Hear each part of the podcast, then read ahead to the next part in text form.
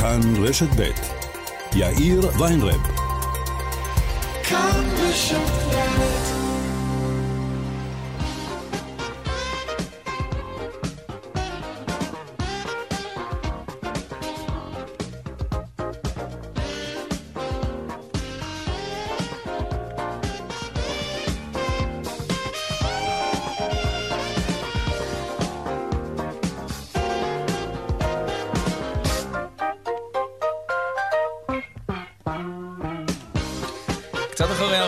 אה, חמש דקות, כאן צבע הכסף ברשת ב', יום רביעי, שלום רב לכם, העורך רונן פולק, המפיקה סמדר טל עובד, טכנאית השידור שלנו היום היא לריסה בלטר כץ, הדועל של צבע הכסף, כסף כרוכית כאן.org.il, אני יאיר ויינרב, מעכשיו עד חמש, אנחנו מיד מתחילים.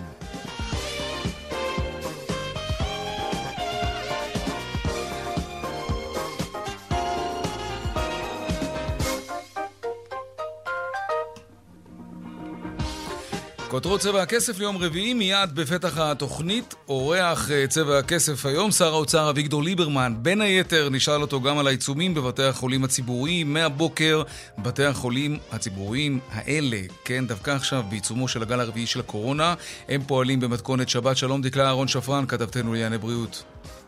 שלום אה, יאיר, אז אה, בבתי החולים הציבוריים התחילו היום לעבוד אה, במתכונת החירום, זה אומר שמטופלים מקבלים הודעות לגבי ניתוחים שמבוטלים, תורים למרפאות שאינם מתקיימים, ובבתי החולים מתק... מתקבלים רק מטופלים חדשים שהם נמצאים במצב חירום.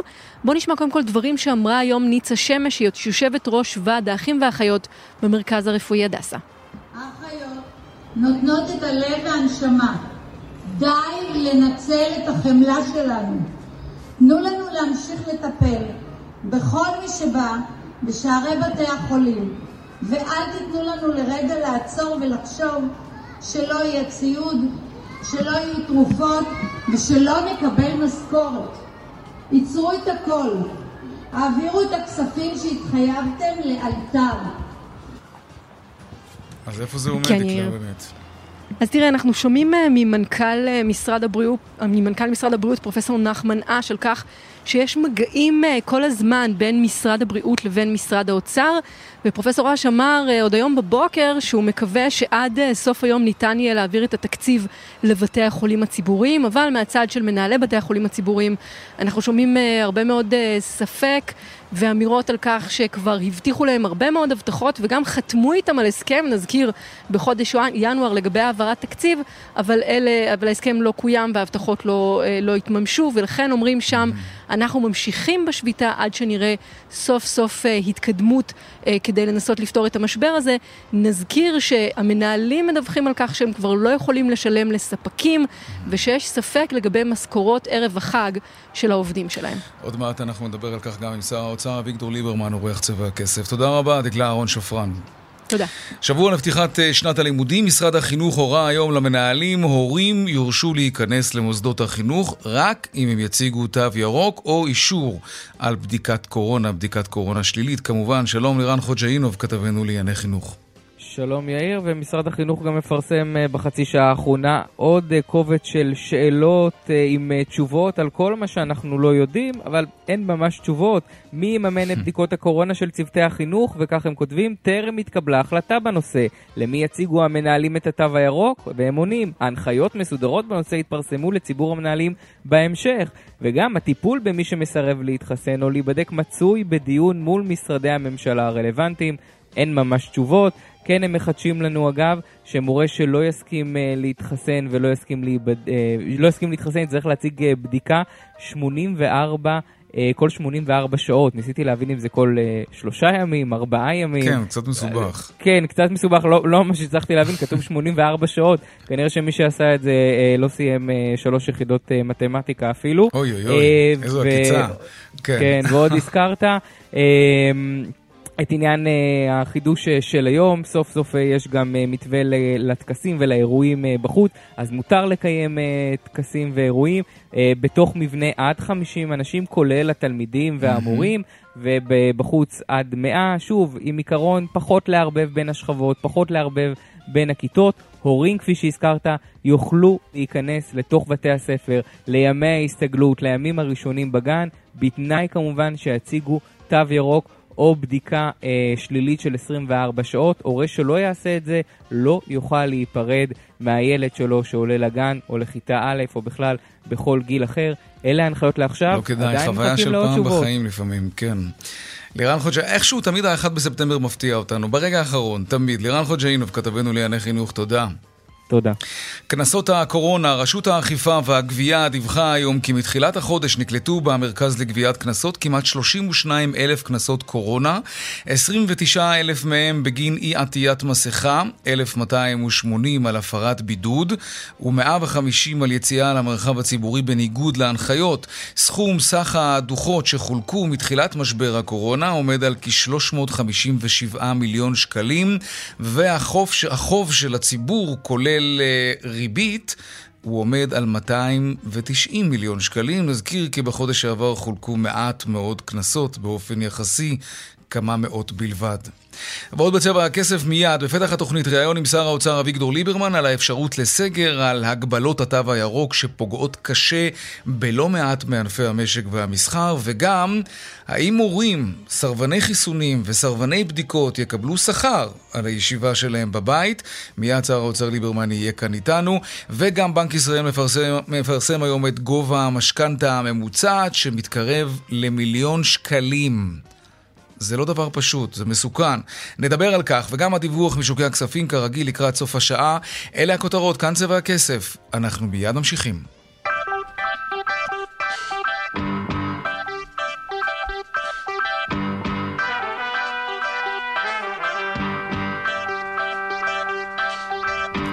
שלום לשר האוצר אביגדור ליברמן.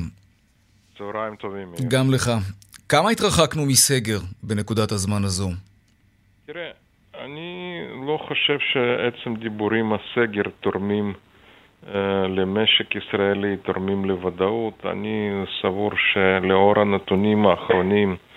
שאנחנו רואים התייצבות uh, גם בחולים קשים בכל הגילאים, שאנחנו רואים גם במקדם ההדבקה uh, ירידה, אני יודע, ל-1.16, 1.18 אה, אין אה, צורך במגבלות בכלל נוספות. תראה, אנחנו התחלנו עם תו סגול, תו ירוק רק ב-18 לאוגוסט.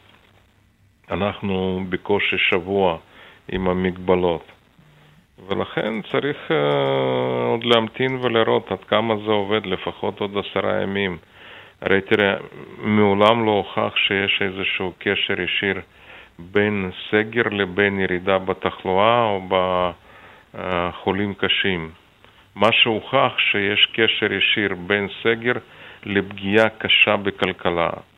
לשמחתי, מה שראינו מחודש מרץ, משק חזר לעבוד בהיקף מלא ומשתקם יפה מאוד. הוא לא רק משתקם, יש אה, צמיחה. וכרגע כל המגבלות הנוספות זה פגיעה בצמיחה של כלכלת ישראל. אתה בעצם אומר שבעוד שבוע עשרה ימים אפשר יהיה להתחיל לשקול ואולי אפילו כבר לבטל את התו הירוק והתו הסגול? אני אומר שצריך קודם כל לעקוב, אין לנו עוד מספיק נתונים. כל המגבלות שכבר החלטנו וקיבלנו אותן, אה, זה לא פרק זמן, אה, אין פרק זמן מספיק mm-hmm. ארוך על מנת להבין מה האפקט שלהם, עד כמה הם עובדים. הדבר היחידי שאנחנו יודעים שעובד בוודאות זה א', חיסונים, ועוד פעם קורא לכולם לעשות חיסונים, והדברים אלמנטריים, כמו מסכות. זה שני דברים שצריך להקפיד. קצת... משרד אה, הבריאות אה, דוחף להגבלות נוספות, הוא רוצה הגבלת התקהלות. תראה, א', אני יכול להבין את משרד הבריאות ואני מדגיש, אני עובד בשיתוף פעולה הדוק עם שר הבריאות, אני חושב שעושה עבודה מצוינת, יש לנו דיאלוג טוב. יש גם uh, לפעמים חילוקי דעות וזה טבעי. הוא מסתכל על כל האירועים מזווית שלו כשר הבריאות, אני מסתכל מזווית שלי כשר האוצר. אבל חשוב להדגיש שבסופו של דבר יש שיתוף פעולה טוב, רק uh, היום בצהריים מנכ"ל המשרד, ראש המטה שלי, ישבו במשרד הבריאות, היו אצלו, uh, דנו ולדעתי מצאו דרכים לפתור את המשבר של הבתי חולים הציבוריים. מה ו... קורה עם זה באמת? תראה, צריך להבין, משרד האוצר הוא לא יכול להעביר כסף ישירות לבתי חולים. הוא מעביר כסף למשרד הבריאות. הכסף עבר? 630 מיליון שקלים? 630 מיליון שקל. התשלום האחרון בגובה 40 מיליון שקל הוא עבר בחמישי ליולי. אז איפה זה נעלם? תראי, יש נושא מה שנקרא מבחנים, שזה לא פשוט לגבש אותם. היה חלק שני של ההסכם 330 מיליון שקל, 50 מיליון, 55, 55 מיליון שקלים כל חודש. אה, כבר כ-100 מיליון שקל מאותם 330 גם הועברו. היה שם אה, איזשהו סבך לגבי סוגיות משפטיות ומבחנים וחשב הכללי. אני... ביורוקרטיה בקיצור. אני מתרשם שהיום פתרו את כל הבעיות. אה, כן? וגם אם לא פתרו, אז ביקשתי מחשב הכללי להעביר את רוב הכסף כמקדמות. Mm. אז אני מקווה שזו דוגמה לשיתוף פעולה טוב עם uh, שר הבריאות. אם הכסף ו... יועבר כמקדמות אפשר יהיה לסיים את השביתה. אני חושב, חושב שלא היה מקום לשביתה, וגם לגבי העתיד, לגבי כל הסיכומים שבתי החולים הציבוריים רוצים 22, 23, זה בלתי אפשרי mm-hmm. לסכם כל עוד לא אושר תקציב. אוקיי, okay. בוא נדבר קצת על תוספת הרמטכ"ל. אה, נלך לתקציב הביטחון. האוצר התנגד, כל מי שמכיר את הסיפור הזה תוהה איך עיוות כזה מקבל פתאום תעודת הכשר. זאת הרי תוספת שהייתה אמורה להגיע רק לקומץ מגמל, מגמלאי צה"ל, ובסוף היא ניתנה כמעט לכולם במרוצת השנים. מה קרה שהדבר הזה אושר? גם, גם פה נעשה, בוא נעשה סדר. ההחלטה התקבלה בשנת 61, ומאז 61 ניתנה, ניתנו תוספות האלו לקציני צה"ל, לאנשי קבע.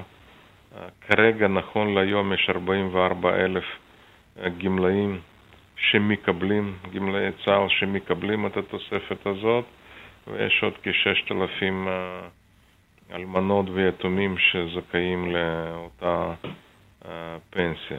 להפוך אותם אנשים שסיכנו את כל חייהם למען אה, מדינת ישראל כסחטנים, כמין, אני יודע, שודדי הקריבים, זה פשוט לא נכון. Mm, לאו דווקא, אבל אולי עניין של סדר עדיפויות. הבטחת להעלות לסדירניקים את השכר. שנייה, שנייה, שנייה, שנייה, אני אשמח להתייחס לכל.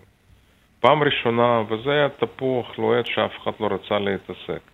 פעם אחת בא שר האוצר שמוכן לעשות סדר בנושא הזה, ואני אומר, אני באמת בן אדם מוזר. אתה יודע, מה שאני רואה משם זה בדיוק מה, ש... מה שאני רואה מכאן.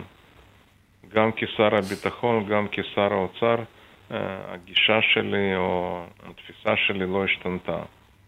אז אנחנו הורדנו כל מיני עיוותים.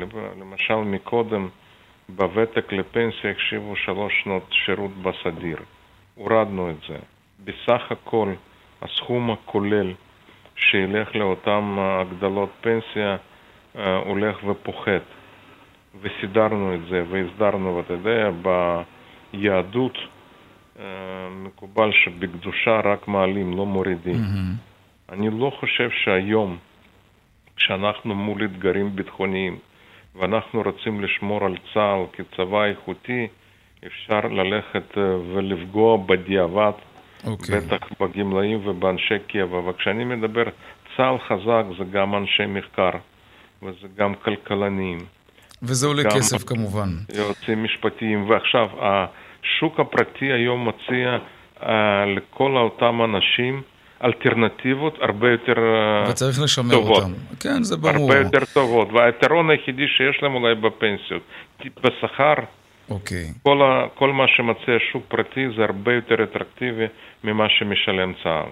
אוקיי, ועל התרומה הזאת גם- שלהם למערכת הביטחון צריך כמובן לת- לתגמל אותם, אבל מה עם חיילי הסדיר? דיברת על זה תראה, לא גם פעם. פה בחיילי סדיר, אז אני עוד רוצה להדגיש, תראה, כן. גם לגבי כל מה שקורה במערכת ביטחון, אנחנו, אה, כולם רק דיברו.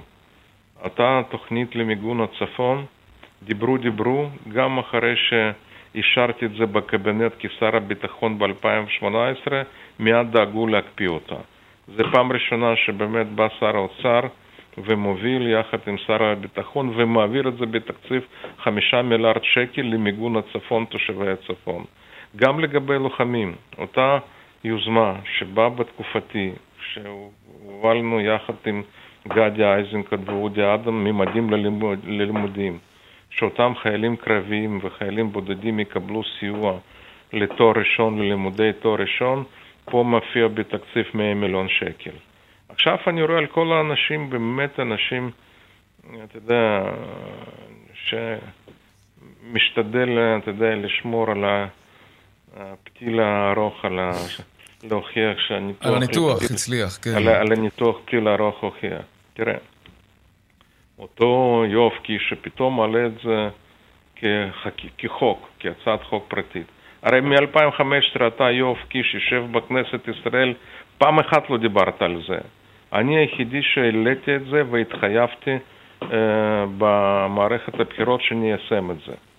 עכשיו צריך להבין, אנחנו באמת פה עשינו, אה, הבאנו תק- תקציב הכי חברתי בתולדות ישראל. פה הגיע לצערי הסיפור של הקורונה שעולה מיליארדים כרגע. אז אנחנו נדחה, אני אומר לך, אני מתחייב, הנה בשידור חי, תקליט, נביא את זה בתקציב 23-24. כן? כמו, ש, כמו שהבטחתי בנושא תוכנית מיגון לצפון, כמו שהבטחתי ממדים ללימודים, נכון, זה לקח אה, שנתיים, שלוש, אבל זה יקרה אבל בסופו של דבר. אבל אוקיי, אני רוצה להתקדם עם וגם עוד פה זה. יקרה. כן, ברור. בוא, אני רוצה לחזור רגע לעניין של הקורונה. ענפים כמו ענף האטרקציות למשל, שהם כבר- הם כבר נמצאים ממש בסגר. אה, שוחחנו כאן עם כמה מהם, הם מדברים על 85% פחות כניסות למקומות האלה. הם אומרים שאין סגר רשמי, אבל, אבל הם כבר נמצאים בתוך מציאות כזאת. הממשלה מתכוונת לפצות אותם, כי הממשלה הקודמת, כשהיא נקטה במהלכים כאלה, היא פיצתה. הפעם אין פיצוי. תראה, קודם כל אין סגר, יש מגבלות שנכנסו... אבל יש סגר פסיכולוגי. שנייה, שנכנסו בתוקף ב-18 לאוגוסט. לגבי אטרקציות, אני באמת ליבי עם אותם אנשים, חלקם כנראה באמת נפגע, אבל נכון לאתמול, ואני מציע לך, תעשה, אתה יודע, ניסיון מעניין. אתה מסיים פה לשדר, אני אלך ללונה. פארק. כן, זה בדיוק הדבר הראשון שאני אעשה. תקפוץ לסופרלנד, אם זה יותר נוח, תקפוץ ללונה פארק. כן, היית שם, ראית? הנכדים שלי היו, אני, אין לי זמן ללכת לצערי היום עם נכדים. זה כנראה פריבילגיה ששמורה רק לסבתא, אבל באמת אני מציע שגם תקפוץ ותראה במו עיניך. שמה, שמלא שם? אני עוד פעם, יכול להיות שבאוגוסט לפי- לפני שנה יהיה מלא יותר, אבל אי אפשר להגיד שזה ריק, שאין אוקיי. שם אנשים.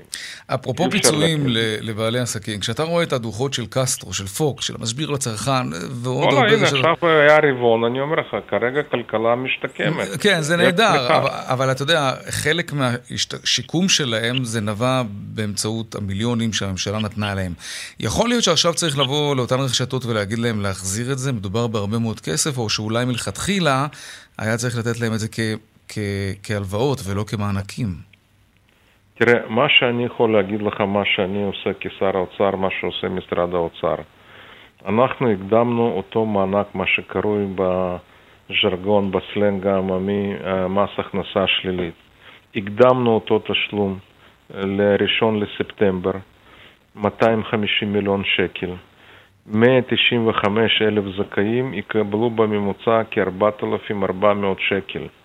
אנחנו משלמים את זה פעם אה, בארבעה חודשים, החלטנו להקדים את זה לכמעט חודש וחצי. זה נחמד, אבל מה עם העסקים הגדולים שקיבלו מיליונים מהמדינה, עכשיו, ועכשיו מרוויחים כל עסקים- כך הרבה כסף?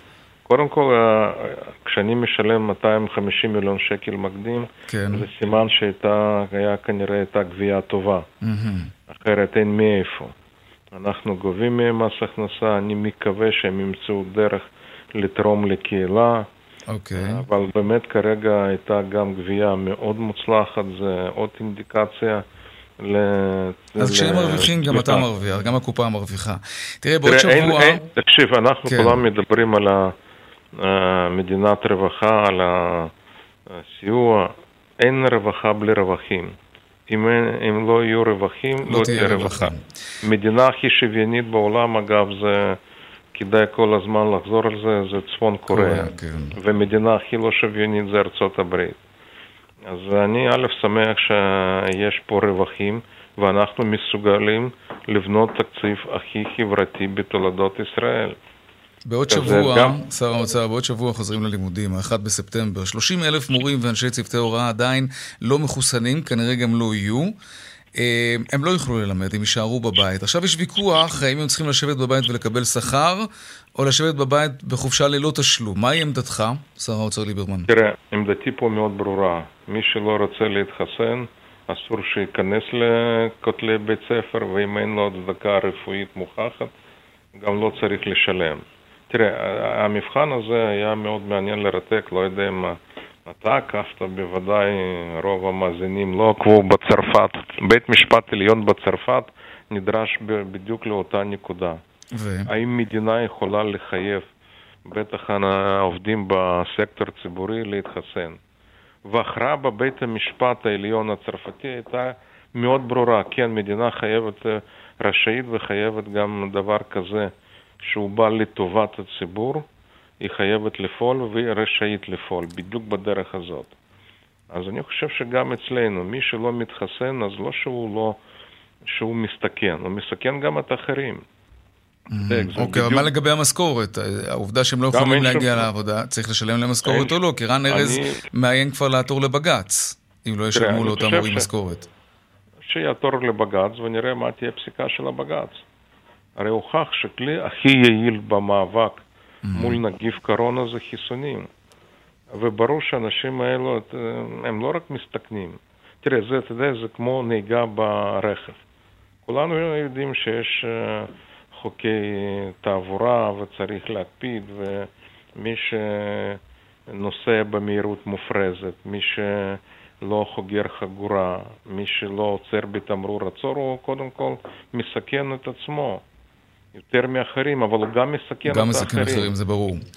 אז גם פה צריך להבין שזה זה לא יכול להיות, אה, אסור שזה זה ברור. אז, אז מורים וגם עובדים אחרים במשק שנשלחים לחופשה, כלומר לא יכולים להיכנס למקום העבודה, הם לא אמורים לקבל שכר, על פי השקפת עולמך. מי שמסרב, מי שמסרב להתחסן ללא סיבה רפואית ברורה, אני לא מבין למה אנחנו צריכים להמשיך לסכן את האחרים ולהסתכן בעצמנו. אוקיי.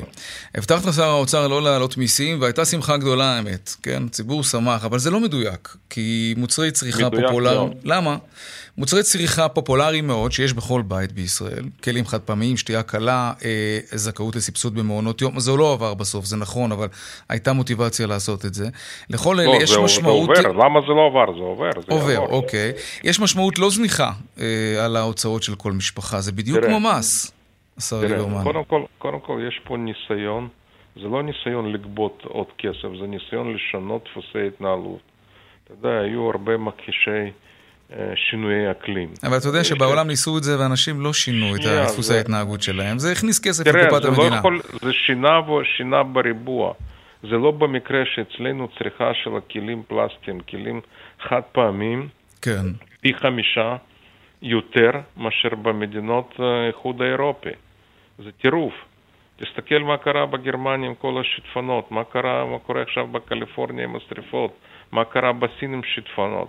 שינוי אקלים זה דבר משמעותי ואנחנו חייבים להקדיש לזה זמן ותשומת לב. הכלים חד פעמים שאצלנו הצריכה היא פי חמישה מכל מדינה ב... או כי יש ב- אצלנו יותר משפחות אה, אה, מרובות ילדים. כל ופה החרדים אני- גם אומרים שאתה בעצם רודף אותם, שמס לא, על כלים חד לא פעמיים זה רודף. בגלל שהם... אנחנו- אני רודף את ה... באמת לעשות הכל כדי אה, להתכונן לשינויי אקלים. אותו דבר לגבי המשקאות הממותקים, כל המשקאות, כל הממותקים האלו. תראה, אנחנו פה 600 אלף, לצערי, במדינת ישראל חולי סכרת. 13% חולי סכרת קשים. חולה סכרת קשה זה לצערי okay. אוקיי. נגמר בקטיעת גפיים. אנחנו לא יכולים להיות צרכני סוכר מהכי, באמת הכי גבוהים בעולם, או בין הגבוהים בעולם. אז זאת הייתה המוטיבציה ולא משהו אחר. בוא נדבר קצת על איראן. גורמים בממשלה אומרים שהירושה של נתניהו היא ירושה בעייתית מאוד, שהאיראנים קרובים יותר מתמיד. כן? יותר מתמיד. Mm, אז אתה מסכים עם. אותם גורמים. אתה היית שר ביטחון תחת נתניהו, שר חוץ אני חושב תחתיו. שנתניהו לא נקט ולא עשה פעולות מה שצריך, הוא התעסק רק בצד, ה, אתה יודע, של PR, של יחסי ציבור, של סוגיה איראנית. עשה, עוד פעם, ודברים ממוקדים זה לא טיפול בבסיס הבעיה, בדברים האמיתיים, הבסיסיים, שהוא כל כך דיבר עליהם, שום דבר לא קרה. עובדה שאנחנו הגענו היום למצב הכי בעייתי מבחינתנו מול איראן. אבל אתה היית שם בממשלות האלה, בתפקידים אני מאוד חושב, בכירים. לכן, לכן פעמיים גם עזבתי אותה ממשלה. כן, בגלל הסוגיה כן. האיראנית, בגלל שהטיפול באיראן לא היה... כל, כל הטיפול, כל הטיפול שלו בסוגיות ביטחוניות, זה היה בעיקר טיפול של יחסי ציבור. זה לא משנה אם זה איראן או אם זה חמאס. ראש הממשלה בנט צריך להגיד לנשיא ביידן שהאופציה הצבאית הישראלית נגד הגרעין האיראני עדיין נמצאת על השולחן? הוא לא צריך עצה, לא ממך ולא ממני. הוא יודע מה להגיד לו, אני בטוח שהוא יגיד לו כל מה שצריך להגיד. שר הביטחון גנץ אומר את זה היום לשגרירים הזרים. אני לא פוסל שנצטרך לפעול גם בעתיד כדי שאיראן לא תהיה, אני חושב לא תגיע גרעיני.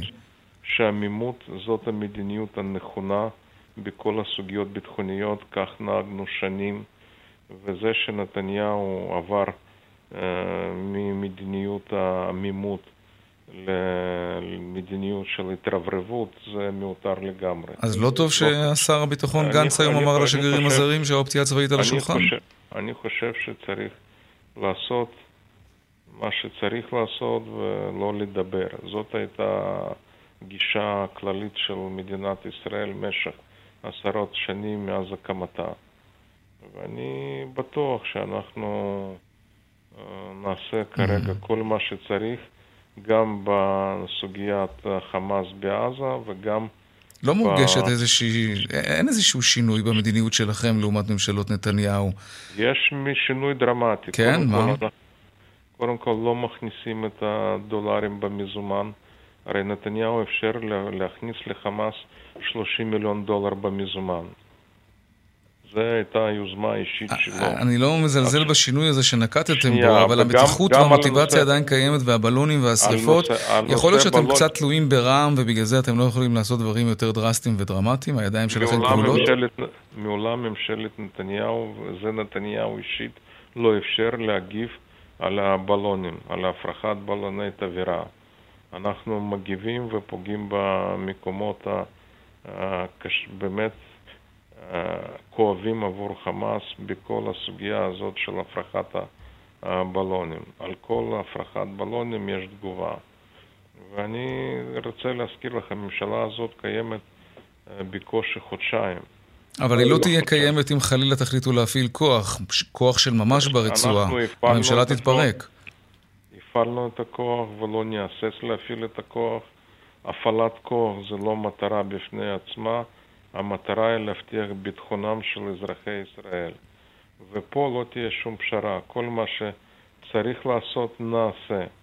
שלא יהיו פה... אבל איך תוכלו לעשות את זה כשהקואליציה היא רזה מאוד ויש לכם את רע"מ בפנים? אתם לא תוכלו לצאת למבצע ברצועת עזה. כשיורים אז פוגעים אה, גם בחילונים, גם בדתיים, גם ביהודים וגם בערבים.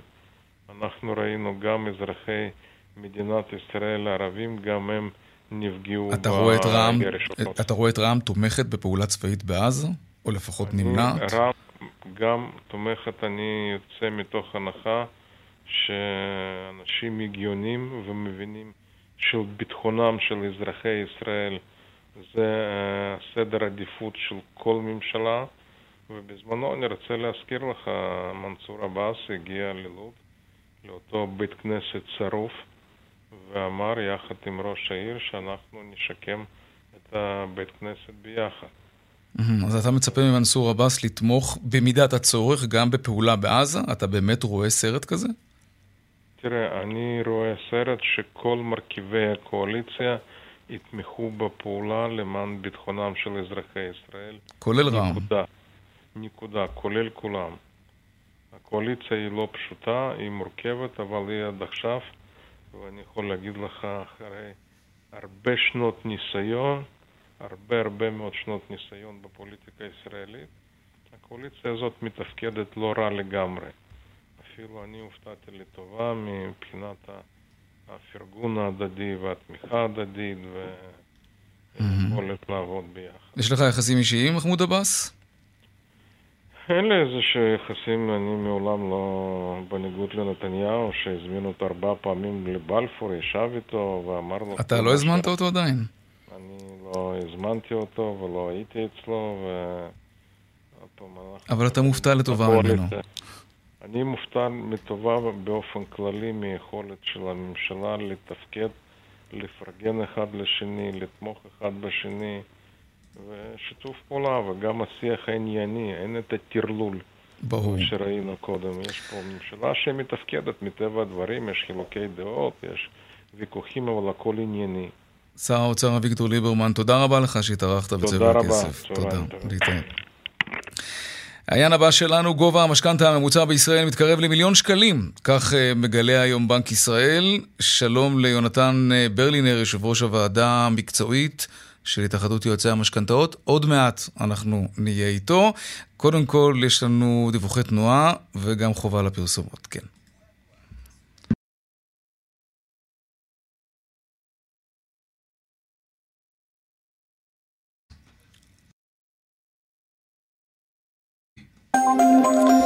באיילון לכיוון צפון עמוס ממחלף חולון וקיבוץ גלויות עד מחלף קק"ל, דרומה מרוקח עד לגוארדיה, ובדרך שש צפון העמוס ממחלף נשרים עד בן שמן וממחלף קסם עד מחלף אייל וממחלף עירון עד יוקנעם עילית. עדכוני תנועה נוספים בכאן מוקד התנועה כוכבי 9550 ובאתר שלנו, אתר התאגיד אתר כאן. הפסקת פרסומות קצרה ומיד אנחנו חוזרים עם עוד צבע הכסף, נדבר על המשכנתאות שלנו. ארבע ועוד שלושים ותשע דקות. המשכנתאות עכשיו, כן, גובה המשכנתה הממוצע בישראל מתקרב למיליון שקלים כאמור, כך מגלה היום בנק ישראל. שלום ליונתן ברלינר, יושב ראש הוועדה המקצועית של התאחדות יועצי המשכנתאות. שלום. שלום וברכה. תגיד, זה מדאיג, גובה ממוצע של משכנתה מיליון שקלים? האמת שלא. זה מדאיג, מדאיג את בנק ישראל מצד מסוים, צריך להדאיג מאוד את הממשלה. אבל באמת, אם אנחנו מסתכלים על הציבור הרחב, אם מנהלים את זה נכון, זה לא צריך להדאיג, אבל ברמה הגלובלית זה שהממשלה לא עושה כלום, זה מדאיג כי הנתון הזה לכשעצמו קרוב למיליון שקלים למשכנתה ממוצעת הוא לא מדאיג, המגמה היא מדאיגה. כלומר, זאת מגמה של עלייה מתמשכת. לא רק בסכום, אלא גם בחשיפה. כלומר, אנחנו רואים עוד בנתונים של בנק ישראל, שהרוכשים לקחו משכנתה של עד 75% משווי הנכס הנרכש. זה, זאת חתיכת מינוף, כן? זה, זה חתיכת מינוף. ובמקרה של משבר כלכלי, זה מסוכן. זה נכון מאוד. שוב, זה נתונים מקרו-כלכליים, כלומר, לרוכש הבודד הוא משלם מיליון שקל וזה 40 אחוז מימון או 50 או 60 אחוז מימון, זה לא כל כך משנה, משנה לו כל עוד הוא עומד בתשלומי המשכנתה. מבחינת בנק ישראל והמערכת הבנקאית זה מאוד משנה, כי במקרה של משבר, מיליון שקל שזה 70 אחוז מימון או 50 אחוז מימון, זה לא אותו דבר והסיכון של הבנקים גדל מאוד. מה שאתה אומר אבל הוא נכון מאוד לגבי גובה המשכנתה של המשכנתה של מיליון שקלים, בניגוד למשכנתאות שהיו בעבר של 700 ו-600 אלף שקלים, אם פתאום יש משבר, היכולת של הציבור אה, משכנתאות לשלם את התשלומים החודשיים נפגעת, אז אנחנו נראה הרבה מאוד משכנתאות שחוזרות, כי קשה להחזיר אה, משכנתאות של מיליון שקל, כלומר... כן, יונתן, אנחנו קצת לא מתקשים לשמוע אותך, קצת מתקשים לשמוע אותך, וחבל. בואו ננסה להתמקם באיזה מקום עם uh, כמה שיותר קווים שם בקליטה, ונוכל להמשיך לשוחח. אוקיי. אתם שותפים אגב, כיועצי משכנתאות, ואתם רואים הרבה מאוד חוזים, אתם שותפים להערכה שמחירי הדירות ימשיכו לעלות, ואפילו אולי בשיעור דו-ספרתי כבר השנה, כי אלו הן הערכות. באופן מוחלט כן, כלומר, ממה שמרגישים בשוק, כלומר הפניות של הציבור אה, למשכנתאות חדשות והביקוש הגדול והלחץ הגדול שיש היום בבנקים מראים על ביקוש בלתי רגיל גם של אה, רוכשים יד ראשונה, גם יד שנייה וגם של משקיעים. כלומר, לפי מה שיש בשטח, הביקוש ממשיך להיות מאוד מאוד חזק, ולפי זה המגמה תימשך, ואנחנו נראה עלייה דו-ספרתית השנה. והמלחמה במשקיעים היא מלחמה מוצדקת? תגיד, בעיניך. לא, אנחנו רואים, אמנם יש כל הזמן... אומרים שהם דוחפים את המחירים למעלה. זה לא נכון. זה נכון שהמחירים, זה נכון שכמות המשקיעים בשוק והמשכנתאות מאוד גדלה בעשרות אחוזים, אבל היא גדלה באופן תואם עם כל העלייה של שוק המשכנתאות. כלומר, החלק היחסי של משקיעים מסך נוטלי המשכנתאות נשאר על כ-12.5 אחוזים. הכוח, הגידול היחסי של המשקיעים, הוא לא גדל ביותר מהגידול של השוק. Mm-hmm. כלומר, לא הם מה שמשכו את השוק למעלה. וצריך להגיד משהו אה, בהקשר הזה של המשקיעים.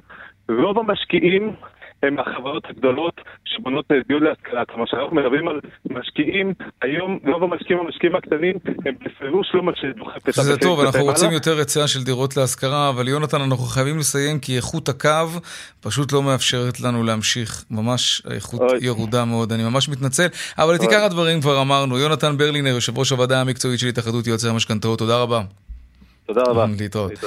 טוב, דרמה במיטב דש. בית משפט קבע שקופת הגמל של בית ההשקעות uh, הגדול הזה גבתה שלא כדין דמי ניהול ממאות אלפי לקוחות. רבים מהם יקבלו עכשיו צ'ק עם חלק מהכסף חזרה, אולי כולו. זה קרה בזכות תביעה ייצוגית שהוגשה בעניין הזה. שלום uh, ג'ניה וולינסקי, כתבת צרכנות פיננסית בדה מרקר, שלום לך. שלום. על, על כמה כסף מדובר בכלל, וכמה כסף יקבלו העמיתים שזכאים להחזר הזה? על פי פסיקת בית המשפט. בינתיים הפסיקה קבעה שלפי חוות הדעת שהוגשה אה, לבית המשפט, שמדובר ב-289 מיליון שקל בסך הכל, mm-hmm. שאמורים להגיע למשהו כמו 160 אלף איש, שהיו להם קופות גמל במה שנקרא בעבר קופת גמל תגמולים, שהייתה שייכת לחברת בת של בנק הפועלים. Mm-hmm. ואז הם רכשו את זה במסגרת רפורמת בכר, כי הבנקים היו חייבים להיפטר מזה. בדיוק. אה, עכשיו, מה שכן, ההערכה שבפסק הדין כרגע היא שכל אחד יקבל פחות או יותר 1,500 שקל. רגע, אבל צעד אחד אחורה. ברגע שמיטב דש רכשו את קופת הגמל הזו, מה הם בעצם עשו שבגינו בית המשפט עכשיו אומר להם, נהגתם שלא כדין ואתם צריכים להחזיר כסף?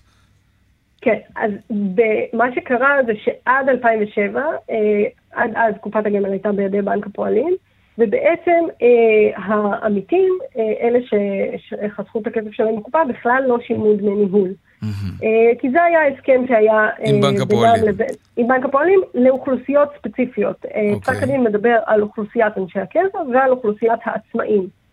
אה, שהיו להם איזשהם הסכמים אה, עם הטבה כזאת. נהדר, ואז זה עבר למיטב דש, ומה במיטב דש עשו?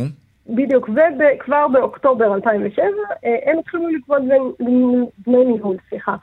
אה, כבר ברגע הרכישה ומאז ועד היום למעשה הם המשיכו לגבות את דמי הניהול, כשהשופטת קובעת שבעצם למרות הרכישה והמעבר אה, של קופת הגמל לידיים של מיטב דת, התנאים הקודמים היו צריכים להישאר. הם צריכים לכבד את ההסכם, כן. בדיוק. Okay. אוקיי. ולכן הסכום שהיא קבעה, היא קודם כל קבעה שהם צריכים להפסיק לגבות את דמי הניהול, להחזיר את מה שהם גבו. אוקיי, עכשיו כדי להיות אה, פרקטי, מי יכול לדעת אם מגיע לו כסף בחזרה, איך מבררים את זה, למי פונים, או שמיטב דש אמורים לאתר את העמיתים האלה, אה, למרות שעדיף לבדוק לבד, אם אתה זכאי או לא, לא? אה, זה, זה כעיקרון כן, זה נכון, זה תמיד עדיף לבדוק לבד. מה שכן, כרגע פסק הדין הוא לא נותן את ההוראות האופרטיביות, כי... אמ, מה שיקרה זה שיהיה פסק דין משלים, משהו כמו לפחות עוד חודש, אמ, כי התובעים הייצוגיים צריכים לקבל, להשלים את חוות הדעת אה, והחישובים שיגזרו... אז אנחנו נמתין כשיהיו הוראות. על, על כמה כסף מדובר? זה, זה לא, לא מעט, נכון? אה, כל אחד זה, אמור לקבל, כל עמית. השאלה, אם מחלקים את זה שווה בשווה, זה יהיה משהו כמו 1,500 שקל לכל אחד. נחמד. אה, אם לא מחלקים את זה שווה בשווה, אז זה יכול להשתנות מחוסך לחוסך. מה שכן, יש גם, יכול להיות לפסק הדין הזה השלכות רוחב, כי אה, כמו שטוענים במיטב דש, בעצם הנוהג הזה, שאחרי ועדת בחר, אה, הרבה אה, גופים מוסדיים קנו קופות שהיו שייכות לבנקים, והנוהג הזה של להעלות את דמי הניהול כשהיו בבנקים אפסיים, אה, היה נוהג אה, בהרבה גופים. Mm, אז יכול להיות שיש פה מקום לבדוק, ואחרי זה, אם צריך, לתבוע כמובן גם מבתי השקעות אחרים שרכשו קופות גמל מהבנקים, ואולי שם גם נהגו שלא כדין. מעניין, טוב, צריך לפקוח עיניים. ג'ניה וולינסקי, כתבת הצרכנות הפיננסית בדה-מרקר, תודה רבה לך על השיחה הזאת. תודה רבה. להתראות. דיווחי תנועה. בדרך החוף לכיוון דרום יש עומס כבד ממחלף אור עקיבא עד מחלף אולגה בגלל תאונת דרכים. לכיוון צפון יש עומס מחבצלת עד מכמורת. עדכוני תנועה נוספים בכאן מוקד התנועה, כוכבי 9550 ובאתר שלנו, אתר התאגיד, אתר כאן, הפסקת פרסומות קצרה ומיד אנחנו חוזרים עם עוד צבע הכסף. תשע דקות לפני השעה חמש, הליכוד מגיב לרעיון שקיימנו כאן מוקדם יותר בפתח התוכנית עם שר האוצר אביגדור ליברמן. בין היתר הוא נשאל לגבי הסוגיה האיראנית, ובליכוד אומרים, אפילו ליברמן שהביא אפס הישגים בשלושים שנה, יודע שבלי הפעולות המבצעיות, המדיניות וההסברתיות של ראש הממשלה לשעבר נתניהו, לאיראן היה כבר מזמן ארסנל נשק גרעיני. זו תגובת הליכוד. עכשיו לעדכון משוקי הכספים. 102 200, take them.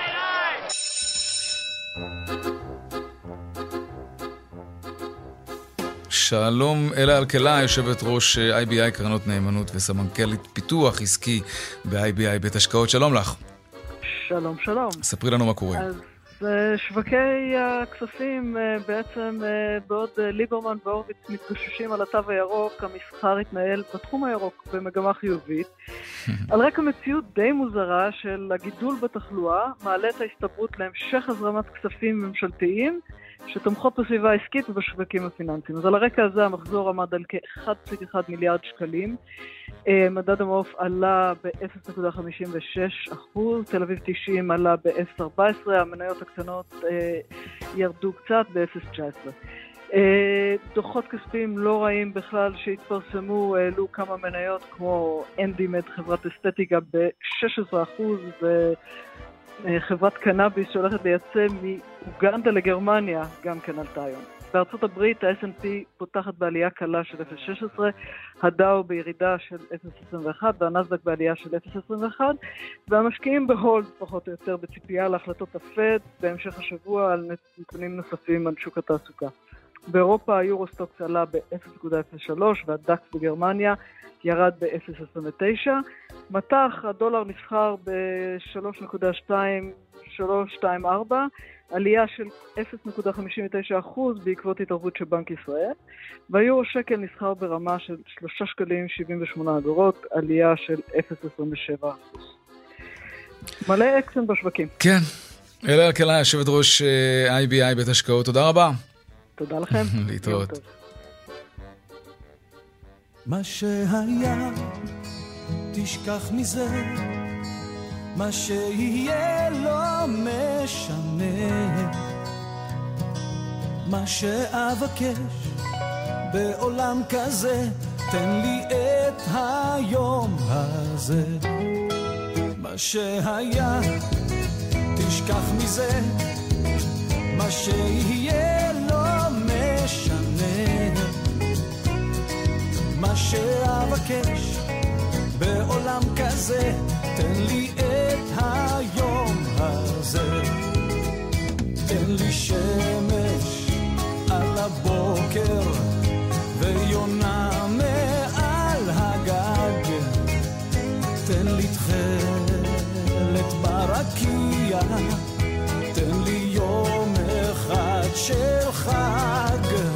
שהיה, תשכח מזה, מה שיהיה לא משנה, מה שאבקש בעולם כזה,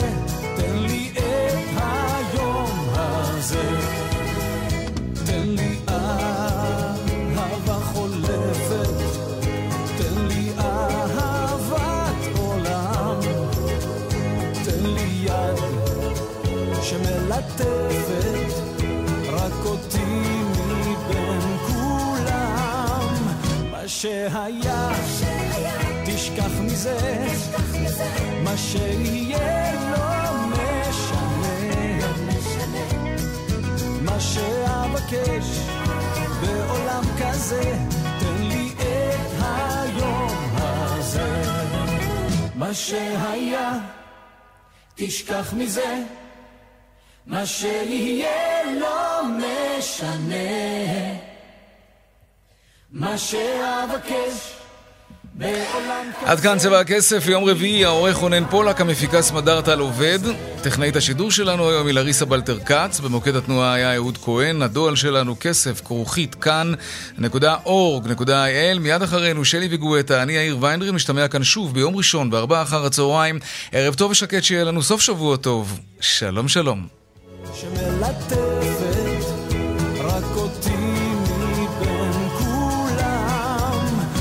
שהיה, תשכח מזה, מה שיהיה לא משנה, מה שאבקש בעולם כזה, תן לי את היום הזה, מה שהיה, תשכח מזה, מה שיהיה לא משנה. מה שאבקש בעולם כזה, תן לי את היום הזה.